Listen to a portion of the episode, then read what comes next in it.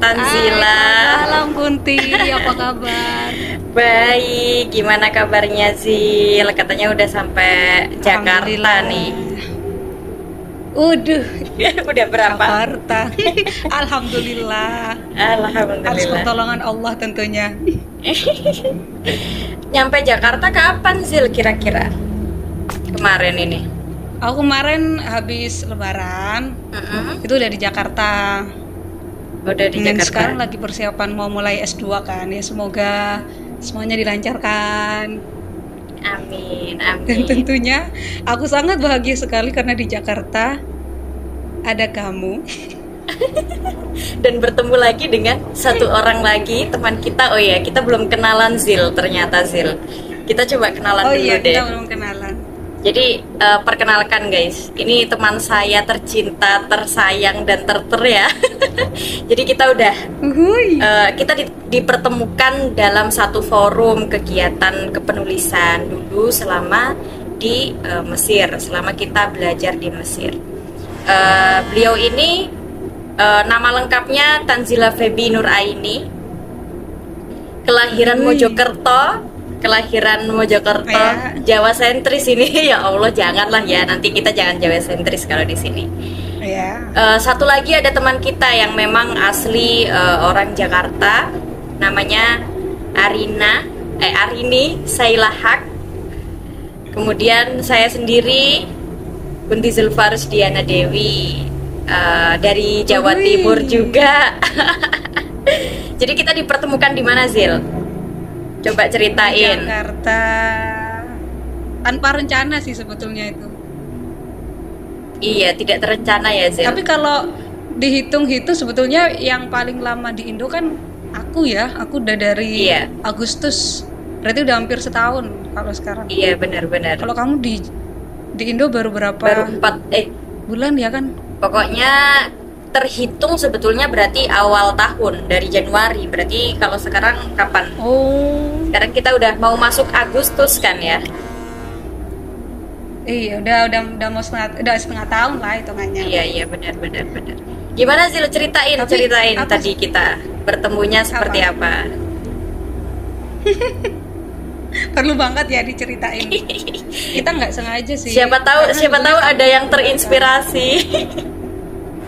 Eh, nggak ada kita tuh eh, ketika aku pulang pun di bulan Agustus awal nggak ada rencana ke Jakarta sebetulnya dan aku nggak ngerti rencanamu juga kalau mau ke Jakarta kita sama-sama nggak kontakan kan sejak aku pulang juga ternyata kita ketemu bulan Januari kan itu ya di Jombang iya kamu udah benar. mau berangkat ke Jakarta lagi Iya. dan aku udah punya rencana tapi belum tahu mau kayak gimana di Jakarta kan waktu itu Iya. tapi ya syukur sekarang bisa ketemu dan semoga pertemuan kita ini Membawa eh, berkah. banyak ini ya banyak hasilnya Amin ya amin amin amin. Ya doakan teman-teman yang sedang Tapi- mendengarkan ya. Kun Iya gimana gimana?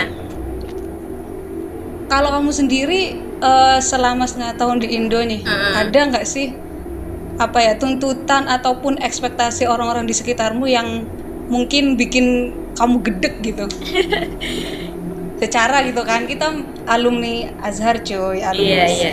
Iya iya betul betul. Eh berbicara terkait ekspektasi ya Zil ya, kayaknya semua orang bukan hanya orang sih tapi semua alumni eh apa namanya orang-orang luar negeri atau alumni dari eh, para pencari ilmu di luar negeri itu kayaknya bakal deg-degan sih kalau pulang. Pasti. Ekspektasi orang ekspektasi orang terhadap kita yang belajar-belajar di luar negeri ini itu sangat-sangat tinggi gitu. Tak terkecuali apalagi apalagi kita di eh, wilayah Timur Tengah kan. Banyak yang eh, nyangkanya teman-teman alumni Timur Tengah ini ya bisanya cuma ngaji doang sih jadi nggak bisa tuh apa namanya eh, nulis nggak bisa tuh namanya eh, public speaking dan seterusnya tuh eh, minim lah daripada teman-teman yang lulusan Iya. barat gitu.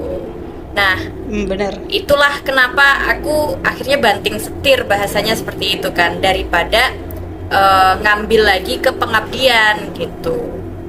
Seperti itu sih kalau oh iya iya benar iya kan? Kalau ekspektasi ya yang pas yang pasti itu deg-degan cuman emang tidak uh, tidak sejauh yang kita perkirakan ya. Mereka dekatlah dengan apa yang kita perkirakan lah intinya. Ya menjadi dai kemudian uh, harus kayak gitulah. Tahu sendiri ya tahu sendiri menjadi menjadi dai menjadi sosok yang harus uh, apa namanya dikit-dikit agama dan seterusnya kayak gitu-gitu kalau kamu sendiri Zil gimana Zil melihat tuntutan ekspektasi ya. alumni Azhar di masyarakat nih. Kamu yang lebih lama soalnya. Aku tuh ya, jujur sebelum aku pulang itu udah banyak ekspektasi orang tua aku yang menurut aku wow gitu lah dan itu sama bapakku disampaikan ke aku gitu kan. Mm -hmm. Ya beberapa bulan sebelum pulang lah pokoknya bapak itu bilang aku pulang itu ya seharusnya jadi dai gitu iya, iya. jadi dai yang kayak diundang-undang terus ceramah dan lain sebagainya dan aku kan kayak what tidak aku tidak ingin menjadi orang seperti itu dan aku sampaikan dengan tegas ke bapakku mm -mm. bahwa ya aku bukan arahnya ke situ kita kan sebagai mahasiswa Azhar mm -mm. banyak hal lah uh, aku lihat banyak sekali lah peluang di Indonesia iya iya betul betul. nggak selamanya jadi dai. Nah sedangkan ekspektasi bapakku seperti itu kan. iya betul betul. Tapi ketika aku pahamkan seperti ini seperti seperti ini ya beliau menerima. Alhamdulillah menerima. Oke. Okay. uh, eh, tapi kemudian ketika aku pulang terus aku ya aku di rumah tuh baru tiga minggu kali ya. Mm -hmm. aku kan langsung ngajar di pondok kan. Ngajar di pondok dan ternyata yang bikin aku agak gede gitu ya. Mm-hmm. aku tuh kuliah jurusan akidah filsafat gitu yeah. kan. Yang seharusnya gitu di ekspektasiku kan pulang aku bakal ngajar ilmu-ilmu yang aku aku tekuni gitu. Ternyata ketika di pondok enggak. Orang itu ekspektasinya ke aku ya kamu harus bisa ngajar apa pun apa pun itu jadi posisi aku nyampe di pondok nggak bisa milih mau ngajar apa benar-benar yeah, yeah. ngajar ini ini ini bener, karena bener. kita kurang guru di sini yeah, bayangin yeah. loh aku harus ngajar balago mm -hmm. itu itu aku langsung harus keinget gitu kan iya yeah, iya yeah kita dulu balagoh itu nggak ada ujian. Kita itu balagoh di tingkat dua itu kita bahas kan bikin kuli, bikin makalah gitu. Terus aku benar-benar inget yang bener banget sih kata orang. E, masyarakat kita itu nggak peduli lo jurusan apa nggak peduli lo ujian apa bahas. Yang penting lo pulang itu harus bisa ngajar apa pun. Itu itu benar-benar aku rasakan. Iya. Kalau aku ya. Iya benar-benar. Itu yang yang aku rasain juga Zil uh, ketika jadi freelance di sebuah ini ya di sebuah apa namanya perusahaan tempat uh, media privat gitu. Jadi privat online ngaji. Itu uh, mungkin karena CV-ku hmm. di situ uh, tertautnya itu Al Azhar. Jadi segala sesuatunya tuh pernah ditawarin ke aku sampai masalah uh, apa namanya fikih ubudiyah kemudian hmm. uh, akidah Syiah dan seterusnya gitu kemudian uh, padahal padahal yeah, di iya. situ udah udah aku tulis di sini aku ngambilnya itu adalah prodi hadis gitu loh kalau seandainya mau ada yang belajar untuk uh, memahami bagaimana takhrij dan seterusnya, barangkali aku mumpuni, sangat mumpuni dan aku uh, memiliki ini ya, memiliki uh, referensi yang cukup gitu loh. Nah, sedangkan uh, kalau untuk mengajar uh, akidah ya Zil uh, kemudian ubudiyah juga gitu. Uh, yang kita pelajari dalam diktat Al Azhar itu kan tidak semuanya tertera dalam prodi kita gitu loh. Tertera hanya pada yeah. prodi khusus kan. Prodi semisal kalau seandainya uh, ubudiyah gitu memang banyak di cantumkan di uh, syariah gitu daripada di uh, teman-teman usuluddin gitu semisal mm-hmm. uh, tapi ya mau nggak mau uh, karena ekspektasi orang tadi ekspektasi orang untuk lah anda kan lulusan timur tengah halo gitu kan halo nih halo lulusan Timur Tengah harus harus mengerti setidaknya uh, ubudiyah. Cuman uh, sejauh ini syukurnya syukurnya ubudiyah yang ditanyakan ataupun hukum-hukum yang ditanyakan itu yang sudah pernah kita baca ataupun sudah kita, pernah kita pelajari gitu. Jadi uh, apa namanya memang memang tidak tinggi ya, tapi kan itu juga menjadi tuntutan. Jadi kita harus uh, membuat mereka tuh mengerti gitu loh. Membuat mereka yeah. itu paham apa yang sudah kita pelajari bahasanya seperti itu padahal kita itu bukan bukan kewajiban juga sih, tapi apa ya?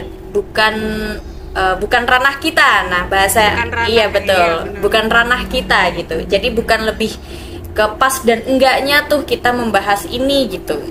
Sekalipun kita tahu gitu semisal, ya, sekalipun kita tahu dan paham itu, tapi kan kita nggak yang mendaki kayak uh, teman-teman syariah terkait perbandingan mazhab itu munculnya seperti apa dan seterusnya. Kan kita nggak nggak ini dan benar-benar kita nggak sedalam iya itu. betul. Dan masalahnya Zil ini lucu sekali uh, ada salah satu uh, teman belajarku ya di salah satu privatku itu itu sampai menanyakan ikhtilafiyah gitu dan dia dan dia melihat adanya ikhtilafiyah itu sebagai uh, hal yang aneh gitu loh ini kan hmm. ini kan hmm. akhirnya membuat saya harus wah aku harus baca lagi nih terus akhirnya kan iya lebih ekstra iya, ya iya akhirnya uh, ngajarnya itu ekstra dan uh, ya bisa buat belajar juga cuman kan saya takutnya itu bukan di ranah saya gitu loh kalau seandainya saya sampai salah aku sampai salah gitu kan itu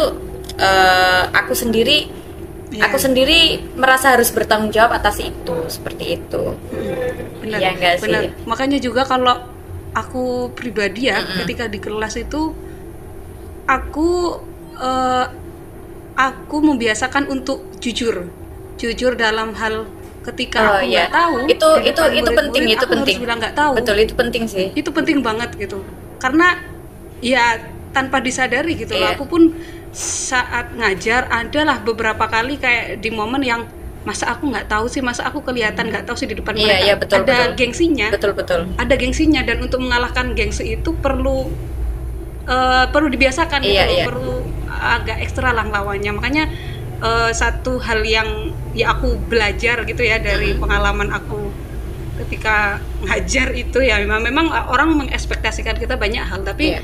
kita juga ketika itu di luar kemampuan kita kita harus mengakui gitu kalau yeah, yeah. oh maaf saya aku sering bilang biasanya wah saya belum pernah dengar tentang ini aku belum pernah baca nanti buat PR saya ya saya selalu yeah, yeah. itu okay.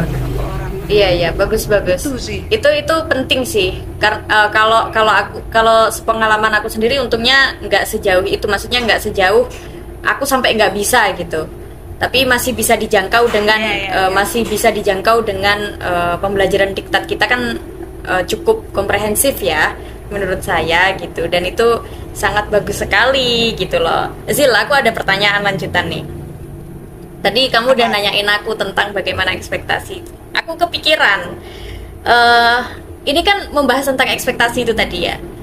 Kalau aku kan aku jelas aku memilih kerja gitu daripada uh, lanjut kuliah langsung gitu. Kalau kamu gimana Zil? Kamu mau lanjut kuliah langsung atau kerja gitu? Kan padahal kamu udah keterima kerja juga kemarin hitungannya sekalipun bukan yeah. pengabdian ya Sleep call yuk, selalu ingat berpikir kalau lagi ngobrol.